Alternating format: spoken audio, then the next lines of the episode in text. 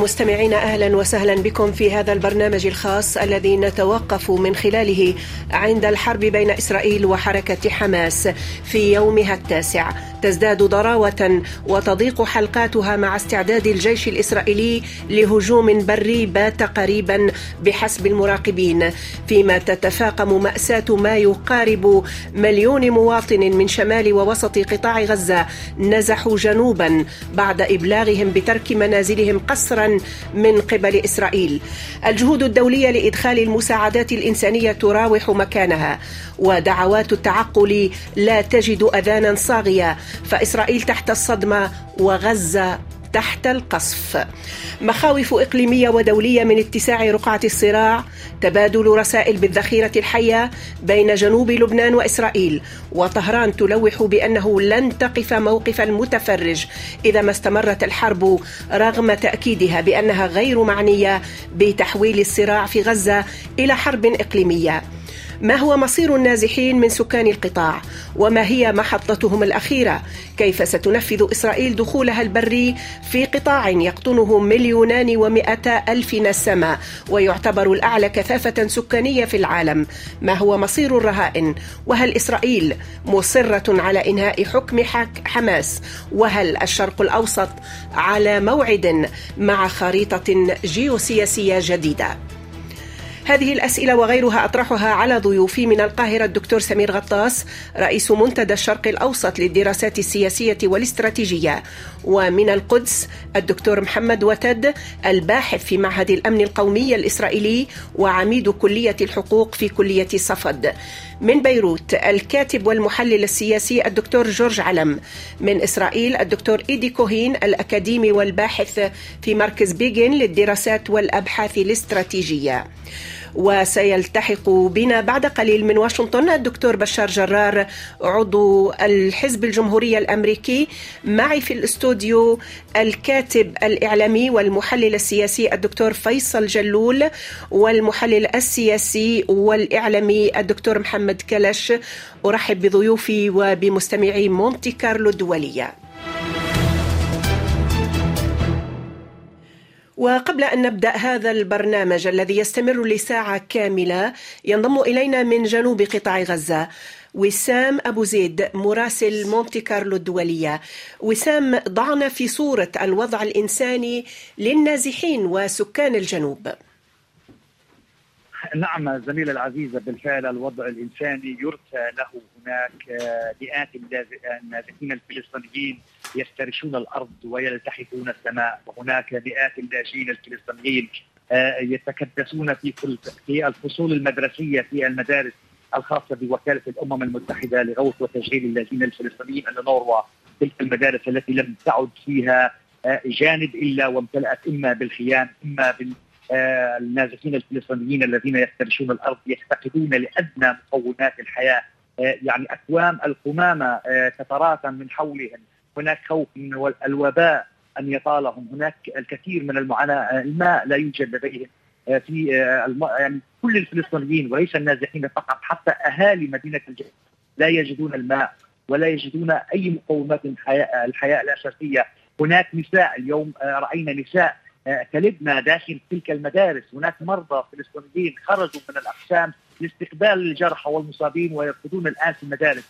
هناك عائلات نازحة قد استشهد أبناؤها واستشهدت عائلتها ونزحت بعد قرار الجيش الإسرائيلي بضرورة تهجيرهم الحصري من الجنوب من الشمال إلى الجنوب نعم. يعني ويتواجدون في المدارس نعم. حتى أقسام الاستقبال في المستشفيات الزميله آه، جميلة يعني لا توجد أماكن خاصة للاستقبال تم وضع خيام أيضا بجوار استقبال لاستقبال المزيد من الجرحى نعم أشكرك وسام أبو زيد مراسلنا من قطاع غزة أبدأ معك الدكتور محمد وتد ما هو الوضع القانوني لهؤلاء النازحين وهل مسموح لدولة ديمقراطية بترحيل مئات الألاف كما هو الحال اليوم في قطاع غزة؟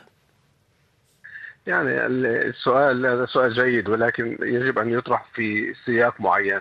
إسرائيل موجودة في حالة اليوم لديها الشرعيه الدوليه للدفاع عن نفسها نتيجة للهجوم الارهابي اللي كان عليها في السابع من أكتوبر.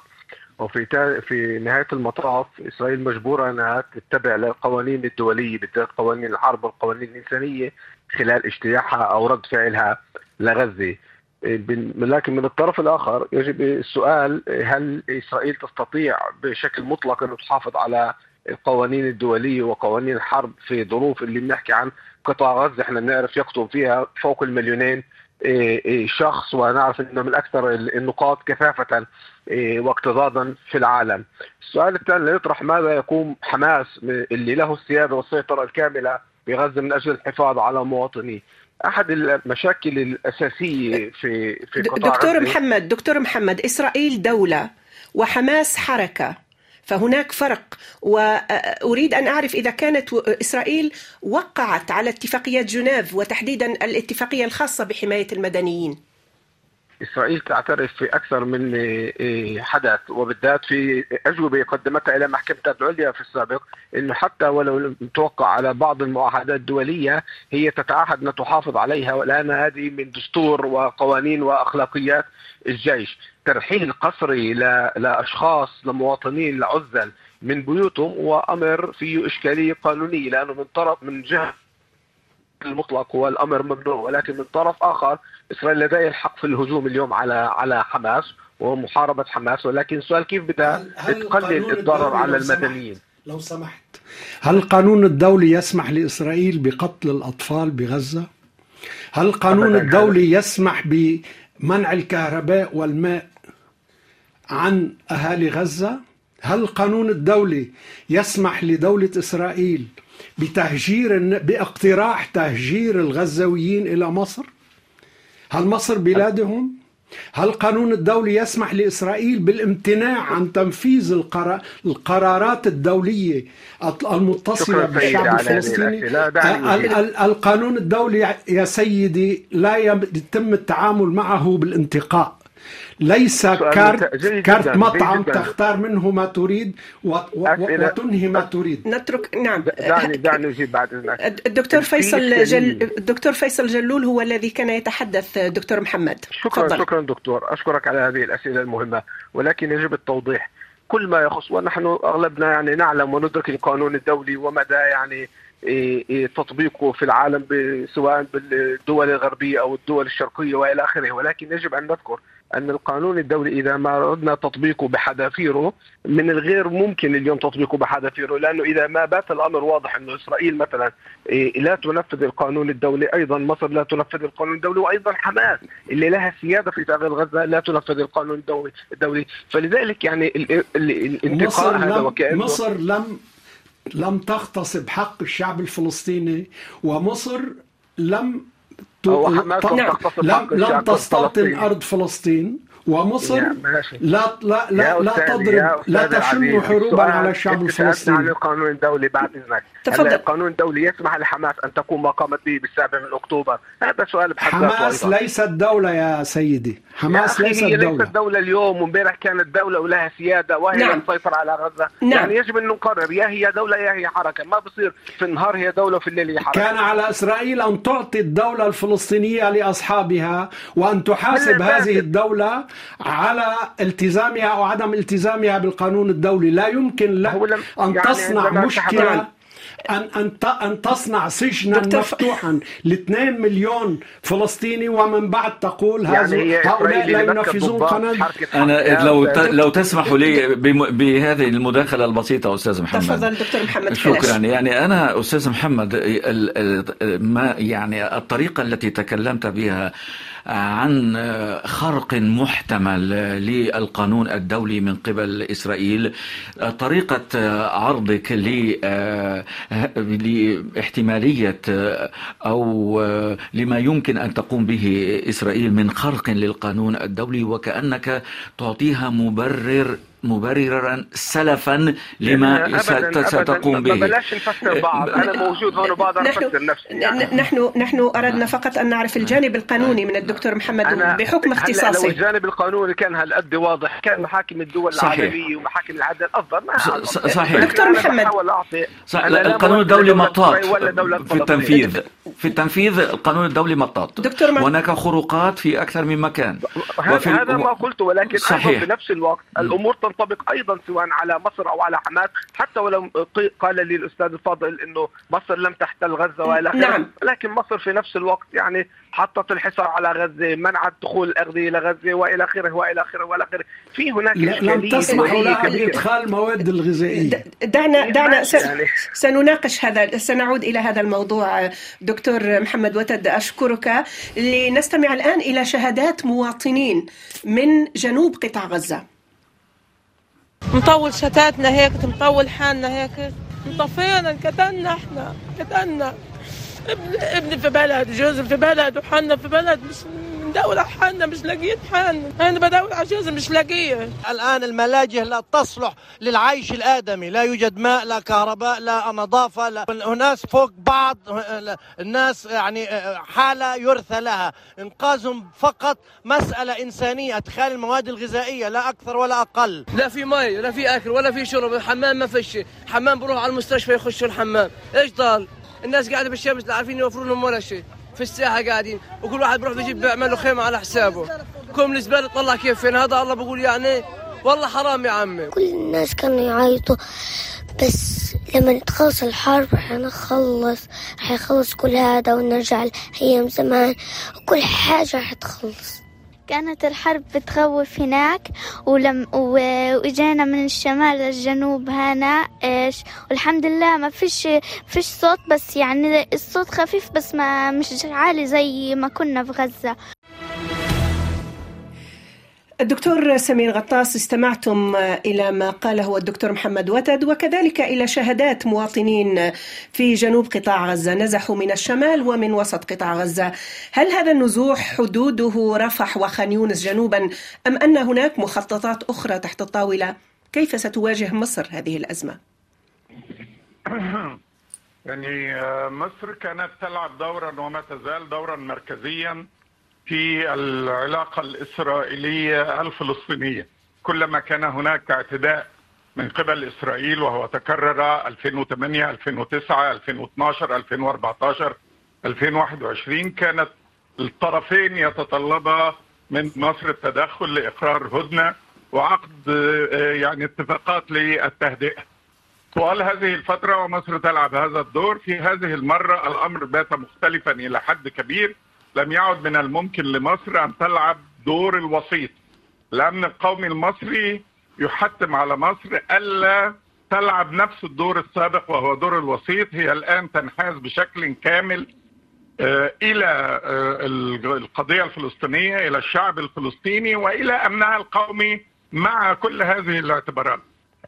مصر تدرك تماما أن هناك مشروعا لتصفية القضية الفلسطينية وخاصة فيما يتعلق بقطاع غزة منذ اليوم الأول حاولت بعد أن قطعت إسرائيل الكهرباء والمياه والأغذية سيرت مجموعة من القوافل لتصل لتدخل إلى قطاع غزة لترفع قليلا من المعاناة من العقاب الجماعي الذي تبذله إسرائيل على أو تضغط به إسرائيل على المواطنين. فوجئنا بأن إسرائيل قصفت المعبر من الجانب الفلسطيني ثم عادت وفي اليوم التالي قصفته وضغطت على المواطنين في تصريحات رسمية وغير رسمية عمليا تضغط على الفلسطينيين حتى يلجأوا إلى مصر ويدخلوا إلى مصر. مصر بالتأكيد تحاول أن تخفف من وطأة هذا العقاب الجماعي وأثاره وتداعياته لكنها في نفس الوقت تدرك مدى المخاطر السياسية لدفع الفلسطينيين وتهجيرهم إلى مصر في هجرة جديدة مثل الهجرات السابقة في عام 48. هناك مشروع هل, حد... هل حدود هذه الهجرة مصر فقط دكتور غطاس؟ على الأقل مصر أولا لأن هناك مشاريع. طبعا هناك مشروع ترانسفير من الضفة الغربية إلى يعني إلى الأردن في مشروع معروف يعني قديما قديما ومتجددا باسم الأردن هو فلسطين. تم طرحه من قبل شارون ويتجدد الآن من قبل اليمين الديني المتطرف في إسرائيل. لكن دعيني أتحدث قليلا عن موضوع مصر لأن هناك مشروع تم تقديمه من قبل مستشار الأمن القومي لاسمه جيورا آيلاند وهو موجود حتى الآن وقدم هذا المشروع في 2005 عقب الانسحاب الإسرائيلي من قطاع غزة. هذا المشروع يدعي أو يزعم أنه لا بد من توسيع قطاع غزة المدخم بالسكان وأشرتم في التقرير لأنه أعلى كثافة سكانية في العالم 360 كيلو متر مربع. في الآن أكثر من 2 مليون 2 مليون و300 ألف تقريبا موجودين. فهو دعا أنه هناك ضرورة إنسانية لتوسيع قطاع غزة على حساب سيناء وقدم هذا المشروع مع خرائط. أيضا الرئيس السابق حسني مبارك أشار في فيديو موجود ومنشور وموجود على اليوتيوب الآن أنه في زيارة لنتنياهو لمصر قال كرر نفس القصة ووضع أصبعه على الخريطة في سيناء فنهره الرئيس مبارك نعم. ومنعه من أن يواصل حديثه لأن هذا الأمر مرفوض تماما وكليا في 2013 عندما حكم الإخوان المسلمين سنة صرح المرشد العام لجماعة الإخوان المسلمين أنه ولم و ولماذا لا نقيم لهم مخيمات في سيناء فهناك مخيمات في الأردن ومخيمات في لبنان وردينا عليه في وقتها أن هذه المخيمات أقيمت بعد النكبة وفكك الجيش المصري. في ذلك الوقت القواعد الحديدية التي كادت تنصب في سيناء بعد الحرب أو في أثناء الحرب لا. لاستيطان ومصر الاجتماعات التي جرت في اليومين السابقين. مصر حاولوا التلاعب؟ وقالوا أن هناك اتفاقا أمريكيا مصريا لإخراج مزدوج الجنسية عبر معبر رفح. نعم. وبلغوا بالفعل أن يذهبوا إلى معبر رفح في الساعة الرابعة. فوجئوا بأن المعنيين على المعبر قالوا ليس لدينا تعليمات. ومصر قالت أنها لن تسمح بإخراج مزدوج الجنسية أو غيرهم من الأجانب إلا إذا وافقت إسرائيل على إدخال المعونات الضرورية نعم. للشعب الفلسطيني الأمر معلق حتى الآن بانتظار زيارة بلينكن. نعم. مصر في اجتماعاتها يعني ثبتت هذا الموقف. لا خروج للفلسطينيين إلى مصر ضرورة تو... توصيل الدعم الضروري للفلسطينيين. موقف سياسي دكتور سمير. هذه الحرب ووقف معاناة الشعب الفلسطيني. شكرا دكتور سمير. ابقى معي. أتوجه بسؤالي إلى الدكتور إيدي كوهين. تابعتم أو استمعتم إلى الأصوات التي جاءت من غزة. طبعا كانت هناك حملة تنديد لاستهداف مدنيين إسرائيليين حتى من العالم العربي وكذلك للرهائن الإسرائيليين لدى حماس والمطالبة بتحرير المدنيين منهم. اليوم أنتم تابعتم وسمعتم ما جاء من شهادات حية من جنوب من جنوب قطاع غزة. كيف تشعرون كمواطن إسرائيلي؟ أول شيء سوف أقول لك مدام كيف أنا أشعر؟ كيف كنت عندما كنت شابا كان راديو مونتي كارلو رمزا للحيادية وعدم الانحيازية الآن 22 دقيقة. ما حكيتي كلمة يا مدام عن المأساة وعن الإسرائيليين وعن القصف اليوم وعن الإسرائيليين الذين استشهدوا اليوم؟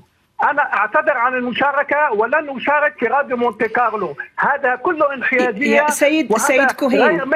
دكتور لا كوهين لا لا ما ما دكتور كوهين نحن نعطيك ولا كلمه عن إسرائيل. لا ولا لا كلمة نحن ولا قلنا نحن قلنا باننا باننا قلنا اطلاقا. اطلاقا. نحن قلنا بأننا نندد استهداف المدنيين وكذلك المدنيين الرهائن لدى حركة حماس حماس كانت هناك تنديدات ليس فقط إعلامية ولكن من مسؤولين عرب. وهذا طبعا قانوني وهذا طبعا مكفول بالقوانين واتفاقيات جنيف. ونحن نعطيك الآن فرصة على إذاعة مونتي كارلو الدولية للحديث عن مأساة المأساة التي ذكرتها داخل إسرائيل. تفضل. منذ أسبوع السبت الماضي 2500 مسلح إرهابي دخلوا إلى القرى الإسرائيلية وأطلقوا النار عشوائيا نعم. وقطعوا الرؤوس وقتلوا إسرائيليين وحركوا اغتصبوا نسوان وحركوهم. هذا هذا إسلام. أي باسم الدين عملوها. وبيجي لك واحد هذا الغطاس بمصر وبيتفلسف. وبيجي واحد ثاني هدول معلش المصريين. معلش دكتور بدون تجريح رجاء بدون تجريح. لك الحق أن تقول ما تقوله. لكن بدون أنا تجريح. أقول لك أنا أقول لك إن حركة حماس فتحت أبواب جهنم.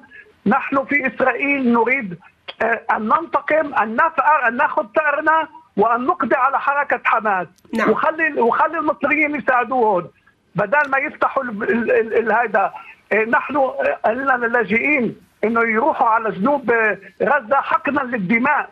ولا توطين ولا شيء. لا نريد أن نضم غزة ولا نريد أن نحتل غزة. نريد أن ندخل نعمل عملية عسكرية لإطلاق سراح رهائننا. هذه كل الشيء. بيحكوا لك عن نكبة ونكبة. هذا لازم أنتم لازم تحاسبوا حركة حماس.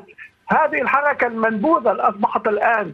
لم يسيء أحد للقضية الفلسطينية إلا الحم... إلا الفلسطينيين أنفسهم. العالم كله. العالم كله حركة حماس الإرهابية صارت منبوذة. أنا أنا بسمع كل هدول الشعبويين الآن بيجوا بيحكوا. هذا لا لا لا ما, ما بيعمل شيء معنا. نحن نفهم الخطابات الشعبوية اللي حنسمعها هلا من الضيف المصري واللبناني لا لا أستاذ كوهين. حركة حماس سوف يقضى عليها. وهي فتحت باب جهنم عليها. أستاذ كوهين شكرا لكم وارجو تتكلموا عن شوي أكثر أستاذ كوهين أستاذ كوهين أتمنى أن تبقى أن تبقى معنا. الدكتور محمد كلاش فقط سيعلق على ما قلته. نحن فقط نتبادل وجهات النظر. لسنا طرفا في أي قضية دكتور كوهين دكتور كوهين في كل الاحتمالات يعني منذ البداية تعرض للمدنيين من أي جهة أتى هذا التعرض هو مدان. والإدانات كانت عبر عبر عنها خلال الأيام التسعة ولم تتوقف. لكن نحن نتحدث في هذا الإطار ذاته اليوم مع العملية العسكرية الإسرائيلية المنتظرة أيضا أيضا يعني الأخذ بعين الاعتبار بوضعية المدنيين يفرض نفسه. هنا الحديث كما كنا أدنا سابقا على المدى الأيام التسعة وسنبقى ندين التعرض للمدنيين. مرة أخرى أقول من أي جهة أتى هذا التعرض. نتوقف عند حال المدنيين الفلسطينيين عن حال وضعيتهم معيشتهم عن معيشتهم الحالية عن المدنيين الإسرائيليين يا سيدي العزيز المدنيين الإسرائيليين. وأيضا وأيضا وأيضا نعم. بيت احترق في التيروت ليش ما بتجيبوا وجهة النظر الإسرائيلية؟ ما نحن نحن نسمعها. نحن نسمعها منك دكتور إيدي. نحن نسمعها منك. موجود معنا. تفضل. اليوم كان استشهد ثلاث أربع أشخاص بعد ما تم النشر موافقه على نشر من القصف الفلسطيني والقصف حزب الله. بيوت الإسرائيليين تدمر. نعم. حركة حماس اليوم أحرقت بيوت في سديروت وفي غلاف غزة. نحن نتعرض لقصف حركة حماس تطلق صواريخ عشوائية مش على الجيش تطلق على المدنيين. هذه هي حرب هذا ضد القانون الكوني القانون الدولي اللي كان ضيفك عم يحكي من قبل. مش الأستاذ محمد الثاني. نعم حماس تطلق صواريخها بشكل عشوائي وهذا منا... ضد القانون الدولي. بس أنتم ليش بتحاربوا حماس؟ لا خلاف لا. خلاف على ذلك دكتور إيدي كوهين لا خلاف على ذلك. آه الآن دكتور أعود إلى الدكتور عفوا التحق بنا بس ارجوك أرجوك ست جميلة. أستاذ كوهين ابقى معنا. مهم جدا للحوار أن يكون ذو ليكون ذو فائدة. أرجو أن تبقى معنا وتدلي بدلوك و... و... ونتحاور يعني لأنه ب... نحن أنت ونحن مت... مت... متفقان يعني متفقون جميعا على مبدأ التعرض للمدنيين. الي... اليوم تقول بأنه لم يتم الحديث مطولا عن المدنيين الإسرائيليين. أعتقد أنه في نشرات أخبار مونتي كارلو وسمعت نشرة الواحدة سمعت نشرة الصباح والنشرات كان كان دائما الحديث عن ضحايا من المدنيين من قبل الجانبين عدد الذين سقطوا نعم. في في في في, في اسرائيل في إسرائيل وفي قطاع نعم. غزة. في هذا البرنامج ما سمعنا كلمة بهذا البرنامج. أخذت واحد من غزة أخذت واحد دكتور إيدي كوهين دكتور إيدي كوهين أنت معنا في هذا البرنامج ولك الحق كل الحق في الحديث وكذلك طرح وجهة نظرك. في البرنامج شكرا. نناقش وجه وجهات نظر. لا لا, لا نتحدث عن أخبار نناقش فقط وجهة نظر. انضم إلينا الآن الدكتور جورج علم من بيروت. دكتور جورج علم حركة حماس في قطاع غزة بتقديرك هل كانت تتوقع أن يدفع المواطنون في غزة هذه الضريبة؟ وهل هي مستعدة لمواجهة عسكرية مواجهة العملية العسكرية البرية؟ هذا تشهد عنها حماس لكن باعتقادي أن ما يجري حاليا إنما يدفع الأبرياء الثمن بطبيعة الحال يعني نحن نتحدث الآن تقريبا عن ثلاثة ألاف شهيد في غزة معظمهم من المدنيين. وبالتالي استمرار هذا الوضع معنى ذلك أن الشعب الأعزل سوف يدفع الثمن. ما هي امكانيات حماس؟ تسأل عنها حماس. لكن حماس حماس مستمرة مستمرة وتقصف كذلك بلدات ومستوطنات إسرائيلية كما ذكر الدكتور إيدي كوهين وكما نتابع في الإعلام. أنا لا أريد أن أدخل في سجال مع أحد أريد أن أعبر عن وجهة نظر علمية. باعتقادي أن استمرار الصراع على هذا النحو سوف بطبيعة الحال يدفع الأبرياء الثمن باهظا.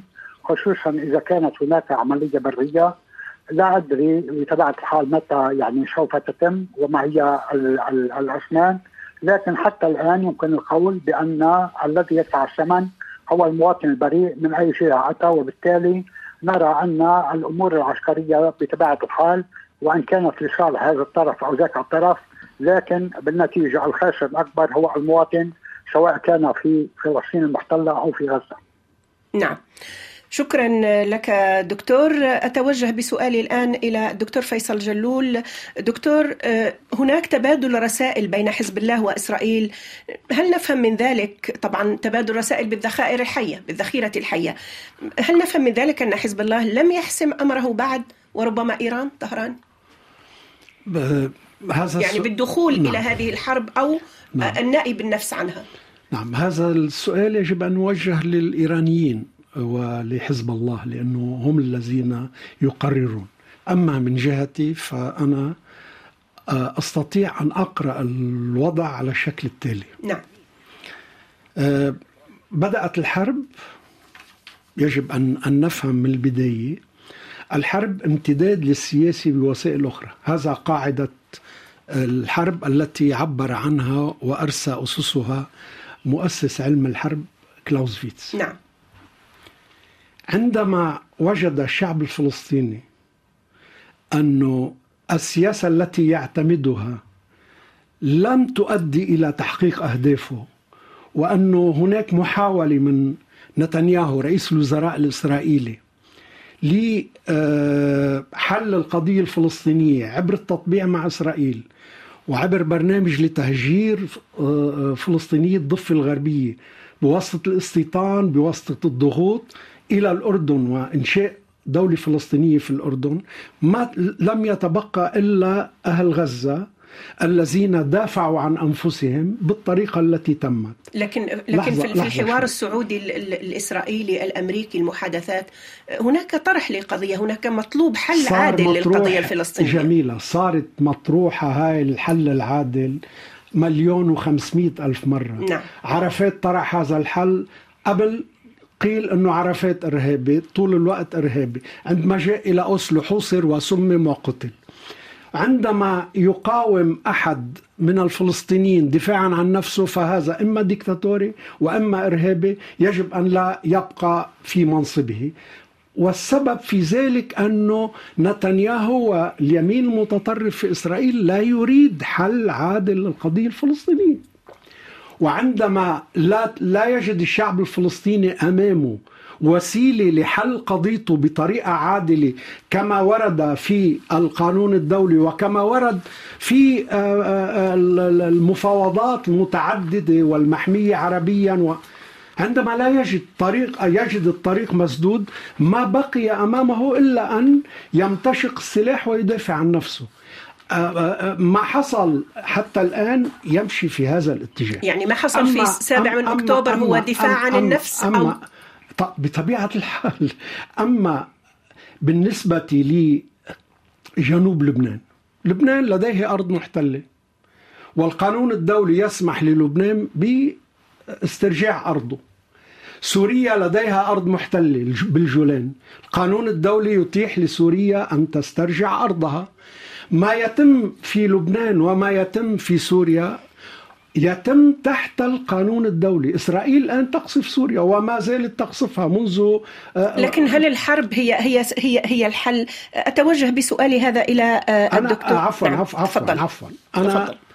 آه، قانون بلدي لا يسمح لي بالتحاور مع المستوطن الإسرائيلي وبالتالي أنا لا أدخل في حوار هو الدكتور إيدي كوهين أنا لا أدخل في, في لا لا هو فقط ليس حوارا ليس لا أريد يعني أنت حر في قرارك دكتور فيصل. نظري و... حر في قرارك طبعا ونحترم قرارك. لكن أريد أن أتوجه بسؤال للدكتور سمير غطاس. دكتور سمير هل ستغامر طهران بتحريك جبهة حزب الله أو ربما تنخرط في هذه الحرب؟ هناك تصريح لوزير الخارجية الإيراني لا أحد يمكنه ضمان السيطرة على الوضع إذا غزت إسرائيل غزة. طيب دعيني أتحدث أنا رجل احاول أن أكون موضوعي قدر الإمكان فيما يتعلق بحزب الله. بعد آه، حرب 2006 لم يتدخل ولم يطلق حزب الله ولا رصاصة واحدة دعما للفلسطينيين. الفلسطينيين أشرت أنهم تعرضوا لعدوان 2007 2008 2012 2014 2021 طوال هذه الفترة لم يتدخل حزب الله لدعم الفلسطينيين ولو بطلقة واحدة. وعكسا عن ذلك وف- وفوق ذلك أنه تبرأ كل مرة قصف الفلسطينيين من داخل لبنان بصواريخ كاتيوشا شمال إسرائيل. تبرأ حزب الله وقال لست أنا الفاعل. قرار حزب الله في إيران. والمسألة لا علاقة لها لا بدعم فلسطين ولا بالوطنية. هذا مشروع إقليمي مختلف ولا علاقة له بإسرائيل أيضا. هذه مصالح مختلفة. إيران لم تتدخل على الإطلاق. إسرائيل تقوم شهريا بقصف سوريا مرتين في الشهر ودمرت مواقع لإيران وقتلت من الحرس الثوري بعض القيادات.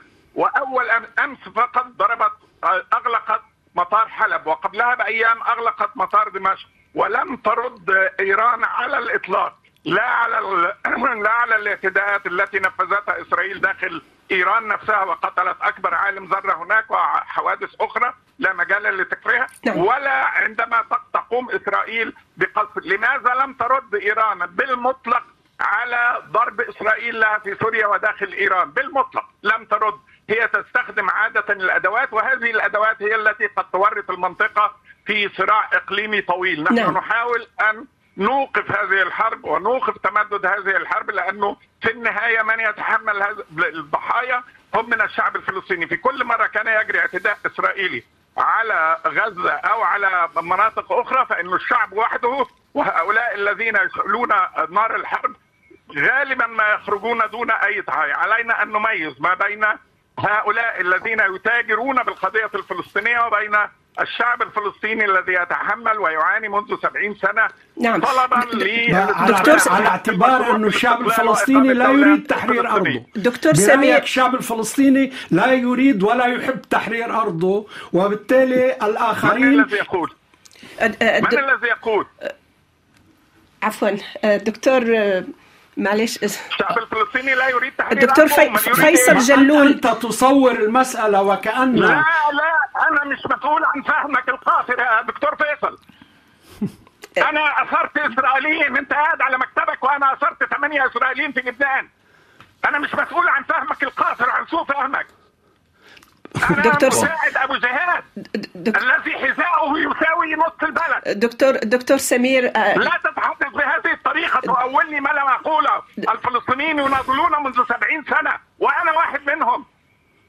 دكتور سمير لا ابقى تقولني ما لم أقوله. دكتور- الفلسطينيين يناضلون. فرق تقدم الموضوع بهذه المذاكرة وكلامك ليس مقدسا. اسمح لنا أن نناقشك. نريد- اللي مش مقدس أيضا. نريد دكتور دكتور سمير غطاس. أقل أبدا أن كلامي مقدس عرضت حقائق قل لي حزب الله متى شارك في دعم الفلسطينيين هو وإيران؟ رد اتفضل يعني أنا, بر- أنا, لا أتحدث باسم حزب الله ولا باسم إيران. مين تتحدث؟ أنا عن أتح- أنا- أنا؟ أتحدث. معي أنت. الآن أنت لا يمكنك أن تعتمد قا- قاعدة لك ونفس القاعدة لغيرك ترفضها. أنت الآن إيه أنت إيه موقف خلافك؟ هذا الذي تتحدث فيها م- لا لا- ليس لديه أسس منطقية يا أستاذ لا أنت تقو أنت ف- أنت فهمنا من كلامك نعم. نعم. أنا قلت لك وقائع تاريخية دلل لي من 2006 حتى الآن متى دك- حاول. أنا لا أناقش هذا دكتور سمير. يا أخي يا- أستاذ أنا لا أناقش هذا دكتور سمير دكتور فيصل. أنا أقول بأن نريد أن نعطي الشعب فرصة. الفلسطيني نعم. نريد- الشعب الفلسطيني لم يكف عن السعي للحصول على قلت والدفاع عن قضيته. أننا- الفلسطيني يناضل منذ 70 سنة. نعم دكتور سمير. دكتور سمير. لو لو لو تسمحوا لنا. دكتور سمير دكتور سمير ابقى معنا. دكتور سمير ابقى معنا. دكتور فيصل كذلك. نحن نريد نحن أن نناقش نحن دكتور غطاس دكتور فيصل نحن آه، يعني دخلنا, دخلنا يعني ندخل في نقرأ النتائج. ونحاول هذا ما هو. آه، يعني مع آه، إلقاء الضوء على النتائج نذهب بعيدا في قراءة هذه النتائج وكأننا نتخذ موقفا آه، من نعم. هذه النتائج دعني- يجب العودة إلى السياق- الجوهر إلى السبب الحوار. الرئيسي السبب موضوع الرئيسي الفلسطيني الإسرائيلي هو موضوع الاحتلال الإسرائيلي ولا شيء. أستاذ نعم. كوهين أرجوك أريد- أريد- أستاذ أريد- غطاس قط- أستاذ أرجوكم دكتور- الموضوع موضوع الاحتلال الإسرائيلي دكتور كل- محمد وتد الموضوع هو موضوع الاحتلال الإسرائيلي إسرائيل تحتل أراضي في سوريا تحتل أراضي في لبنان وتحتل الضفة الغربية وقطاع غزة لأنه هناك حصار مفروض ومن هذا لو سمحت كيف كيف تنظرون إلى هذا الوضع القائم؟ لماذا لم تحل إسرائيل هذه المشكلة مع جيرانها؟ هل يمكن لإسرائيل أن تستمر في نزاع وفي حروب وفي كراهية مع محيطها العربي؟ يعني المسألة مش فقط مسألة قانونية. لو كانت مسألة مسألة قانونية لالتقوا خمس أساتذة جامعات في القانون وحلوا ال- القضية. على فكرة كان هذا شيء من هذا القبيل في مداولات كان ديفيد بين إسرائيل ومصر. مستشار قضائي بروفيسور هارون باراك من جهة وفي الجهة الأخرى من الجهة المصرية ولكن على أي حال في هناك أمور تتعلق بالأمور الإقليمية تتعلق بالأمور الدبلوماسية قطاع غزة اليوم موجود تحت سيادة حماس بشكل واضح نعم. ومطلق إسرائيل لا تستطيع أن تقوم بتوقيع عملية سلام مع منظمة حماس ومنظمة حماس لا تريد أن توقع على اتفاقية سلام بشكل معلن مع إسرائيل لماذا لماذا لم توقع لماذا لم توقعها مع لبنان؟ لماذا لم توقعها مع مع عباس. سوريا مع الرئيس محمود عباس؟ جميل جدا جميل جدا هلا إيه إيه مع سوريا في هناك كان في مفاوضات أكثر من مرة في السابق وفي كان مراحل أكثر متقدمة ومراحل أقل متقدمة. إسرائيل مفهومها الامني الاستراتيجي تحتاج ضم- ضمت الجولان يا أستاذ ضمت يا الجولان. أستاذي والله فاهم أنا صدقني فاهم بس أنا بقول لك يعني هلأ سوريا في عندها طرح معين حابة تعمل سلام مع إسرائيل. في مشكلة هناك للعلاقات الإسرائيلية السورية أيضا بماذا يحدث؟ في لبنان، لبنان نعم. بحد ذاتها لا يوجد هناك مشاكل بينه وبين اسرائيل ولكن مزارع شبعة كبيرة. محتلة يا, يا, سيدي دعوني إسرائيل ما. ما, ما يعني لو. يا د- دكتور وتد لو سمحت دعوني أن أكمل ما, ما بدأت بالنسبة إلى إلى إلى موضوع موضوع الاحتلال يعني من ال- يعني الملاحظ أو أو واضح للجميع أن أنه مع كلما امتدت سنوات الاحتلال كلما الاحتلال الإسرائيلي كلما ارتفعت ال- ال- العناصر ال- المتشددة أكثر وأكثر. يعني آه، اليوم آه، حماس آه، والجهاد بالنتيجة هما ولدتا موضوعة الاحتلال. هما آه، خلقا أو ولدا من رحم هذا الاحتلال. عفوا. حماس إلى وضعية حماس إلى وضعية ثانية مع كل احترام تاريخيا. كيف أخذت الشرعية تبعتها وكيف أجت إلى ال- المناطق الفلسطينية وكيف استولت على قطاع غزة. بعتقد يعني في اعتقادي المتواضع لو معنا متحدث باسم السلطة الفلسطينية لكان من أول المناهضين لحماس ولا تقوم في حماس. يا أخي نعم، نعم، صحيح نعم، ص- دعني- صحيح صحيح ما تقوله دكتور محمد. وتد صحيح ما تقوله لكن اليوم الدكتور- مع كل الاعتراضات الفلسطينية على حماس ومع كل الخلافات من فتح أو غير فتح على حماس أي صوت فلسطيني اليوم يقول أنا ضد حماس؟ نعم. دكتور دكتور محمد خليك معي. الدكتور إيدي كوهين أه، سؤال موجه لك. اليوم هناك كما ذكرنا مناطق عربية أراضي عربية محتلة من قبل إسرائيل. كيف كيف ستتعايش إسرائيل مع هذا العداء المحيط العربي؟ اليوم شاهدنا في المغرب مظاهرات عارمة أه، حتى الدول التي طبعت مع مع مع مع إسرائيل الحكومات هي التي طبعت اليوم الشارع يتحرك. كيف تنظرون إلى ذلك؟ لا يهمنا رأي الشعوب بيهمنا رأي ال- الحكومات. شوفي مصر هي أول من مطبعة أول من طبعت. صحيح. مصر أول من خانت القضية الفلسطينية. بال 77 آه، تركت تخلت عن القضية الفلسطينية. بعدين آه، كلهم آه، سبقوها. لدينا علاقات ممتازة مع الأردن. الأردن تصدى بكل قواته. أمس أول من أمس ال ال الإرهابيين حاولوا اختراق الحدود.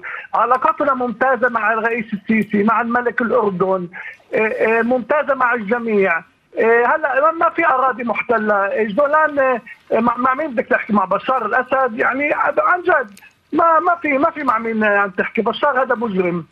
أما بالنسبة للشمال حزب طيب الله رد رد إليه ارضه رد إليه أرضه وبعدها نحكم.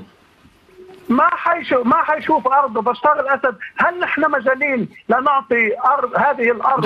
ما هذه الأرض ما هذه الأرض أرضه. هذه الأرض أرض سوريا صحيح نحن احتلناها. أنا لا أنكر. نحن نعم احتلينا الجولان مشان والقانون لنعيد لنعيدها للسوريين. لنعيدها لنعيدها إلى السوريين.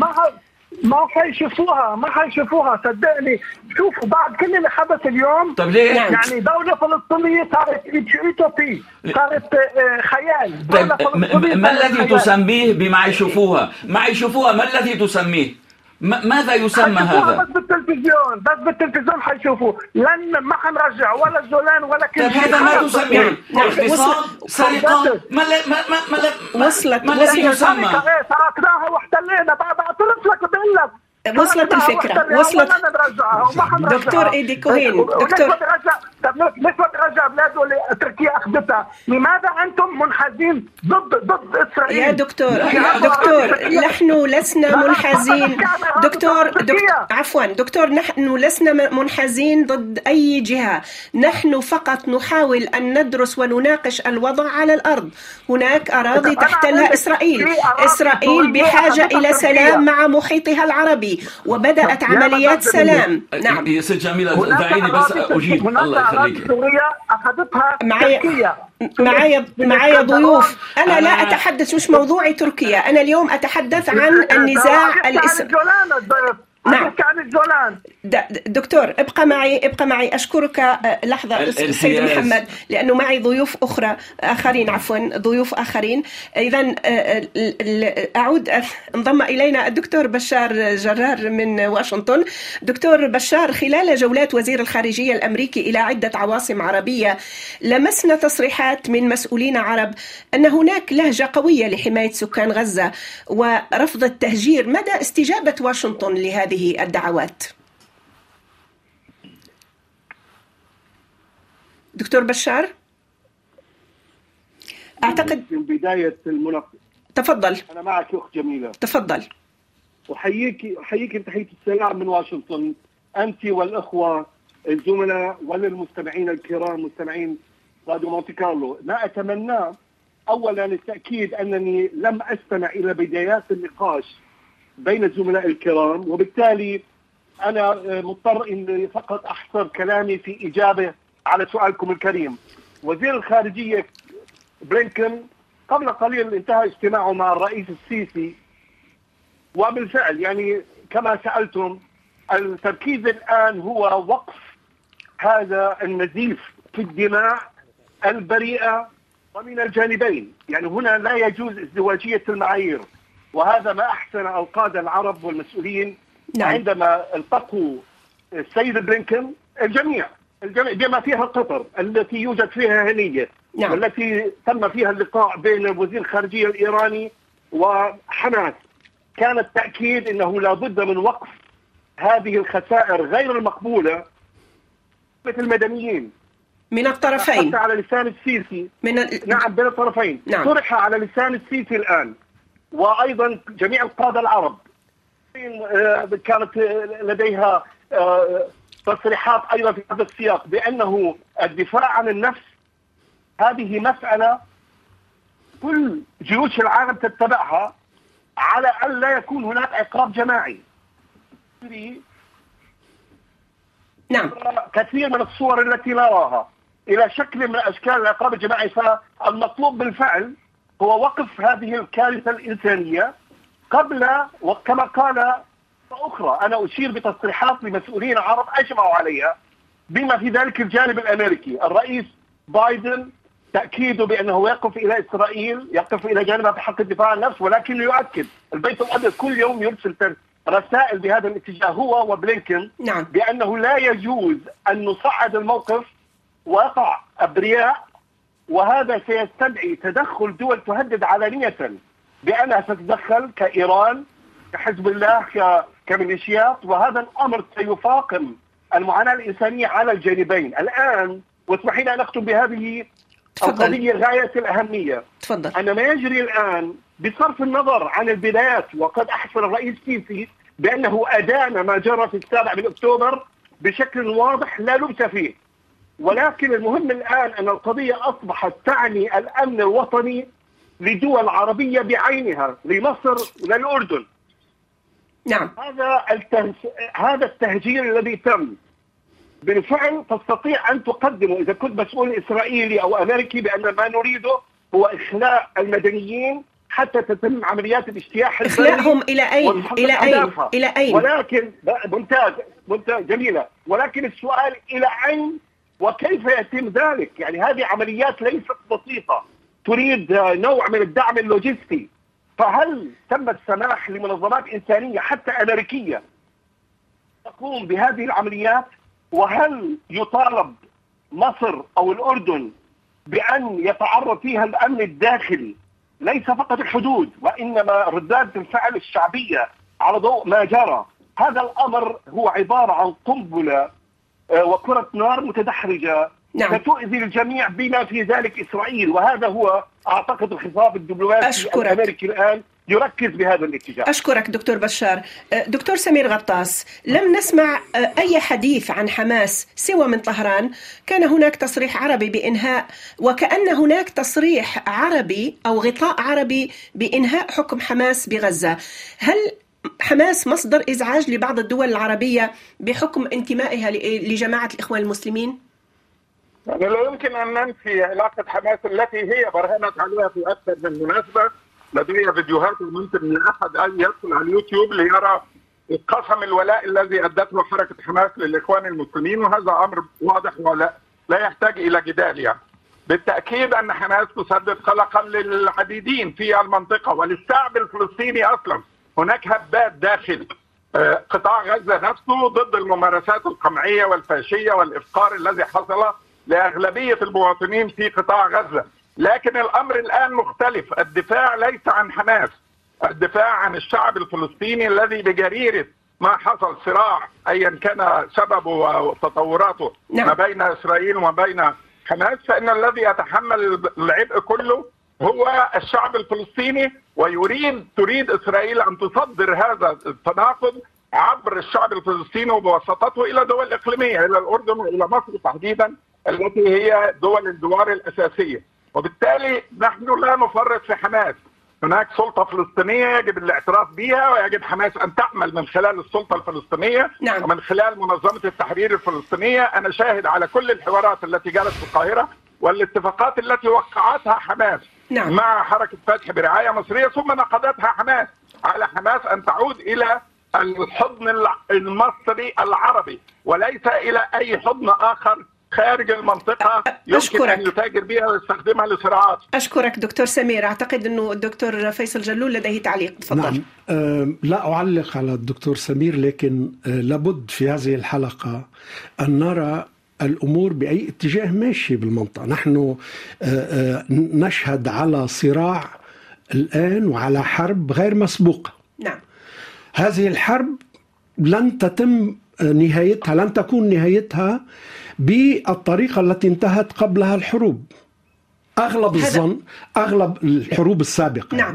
أغلب الظن أنه ما ما حصل ما الآن وما يحصل الآن لن يعيد الأمور إلى ما كان قبل لذلك هناك تغير جيوبوليتيكي هذا- كامل هذا في. في, في المنطقة نعم. وفي العالم وهناك قوى الولايات المتحدة الأمريكية تتراجع وهي ما كانت راغبة بالبقاء في نعم. الشرق الأوسط هذه الحرب أعتقد بأنها أه، ستؤدي إلى أه، دفع الولايات المتحدة الأمريكية على الخروج أكثر من الشرق الأوسط وعلى إعادة ترتيب المنطقة وفق ما أه، سيأتي على به ما ذكرت دكتور الجيو- فيصل. الجيوبوليتيك نعم. الجديد الصين و... وس- و- هذا ما سأقوله الآن الموجودة وسائل إعلام صينية دكتور فيصل قالت بأن المبعوث الخاص للحكومة الصينية من المقرر أن يزور المنطقة الأسبوع المقبل للدفع من أجل التوصل إلى وقف لإطلاق النار بين حماس وإسرائيل نعم. نعم. وتشجيع إجراء محادثات. دكتور إيدي كوهين. فقط فقط كلمة صغيرة. تفضل. الله يخليك جميل. لأنه يعني ظلمتينا بالوقت. نحن معك هون لا كان حقكم حق المداخلات. الوقت للآخرين. تفضل. يعني في نهاية المطاف لا يوجد حل عسكري للمشكلة القائمة الآن. هل بس لا هل يوجد حل عسكري. هل ما زال سواء السلام ممكن؟ الأساطيل لحظة يا جميلة. الأساطيل التي جاءت والحرب التي تخاض محاولة إبادة غزة بالكامل لن تأتي بحل لن تأتي بسلام. للمشكلة. لا سلام ولا حل. نعم هذا الحل مس... العسكري غير ممكن. هل... لذلك هل... لذلك نعم. لن تبقى القوى الموجودة في المنطقة لن تقبل بنهاية لهذه الحرب كالنهايات السابقة وبالتالي بقاء المشكلة. دكتور... القادم هو أعتقد ينطوي نعم. على حل المشكلة الفلسطينية بما يرضي الفلسطينيين. دكتور دكتور بشار جرار، كيف ستتعامل واشنطن مع دخول الصين على خط الصراع مع التذكير بدور بكين في المصالحة بين طهران والرياض وكذلك مشروع الحزام والطريق؟ أختي جميلة بداية أنا لست دكتورا ولكن بالإجابة على سؤالك ومن الناحية الواقعية من التأكيد بأن الشرق الأوسط يعيد تفكير العالم بأسره بأنه ليس مهما فقط من أجل الطاقة وخطوط الإنتاج والتجارة الدولية هو أساس الضمير العالمي بمعنى أن الأديان الإبراهيمية الثلاث تربط العالم كله بأنه لا يمكن أن تحقق سلام حقيقي في العالم وليس فقط في الشرق الأوسط إلا من خلال بحث وتفكيك أدوات التأزيم الموجودة في المنطقة. الآن تداخل الروحي مع السياسي مع الاقتصادي. هناك تنافس في إطار السعي لتعددية قطبية بين الروس والصينيين والأمريكيين والأوروبيين وهذا واضح. لكن واشنطن ترفض ذلك وت... وتعمل المستحيل من أجل أن لا يكون للصين موطئ قدم في منطقة الخليج في مصادر النفط وكذلك في الشرق الأوسط. لذلك لن تربح واشنطن الحرب. فقط فقط هذه إشارة سريعة. من الذي حقق الاتفاق بين السعوديين والإيرانيين؟ كان بضمانة صينية. نعم. الآن ما يجري هو الحديث وق... أنا اقتبس الآن بلينكن يعني تصريحاته الآن تبث على الهواء بأنه نحن مع الفلسطينيين وحقوقهم المشروعة ولكن بعيدا وليس وفق نهج حماس. ما يجري الآن؟ تذكري فتره قبل أسابيع كان الحديث عن تطبيع سعودي إسرائيلي. الحديث الآن انتهى يا أستاذ بشار. بشو بشروط تعجيزية دكتور. أستاذ بشار بشروط تعجيزية تفرضها واشنطن. أتم دعيني أتم الفكرة فقط يا سيدتي. هو القصد أنك عندما تريد أن تقيم سلام تقيم بين الدول وليس بين التنظيمات نعم. دكتور بشار والمشكلة السابقة. يداهمنا الوقت. السابقة كانت. نعم. آسفة جدا لكن يداهمنا الوقت. أشكر ضيوفي من القاهرة الدكتور سمير غطاس رئيس منتدى الشرق الأوسط للدراسات السياسية والاستراتيجية من القدس الدكتور محمد وتد الباحث في معهد الأمن القومي الإسرائيلي من بيروت. الكاتب والمحلل السياسي الدكتور جورج علم من إسرائيل الدكتور إيدي كوهين الأكاديمي والباحث في مركز بيجن للدراسات والأبحاث الاستراتيجية ومن واشنطن بشار جرار عضو الحزب الجمهوري الأمريكي. معي في الاستوديو الدكتور فيصل جلول المحلل والكاتب السياسي والدكتور محمد كلش كذلك الباحث والمحلل السياسي. شكرا لمستمعينا. دمتم بخير وإلى اللقاء.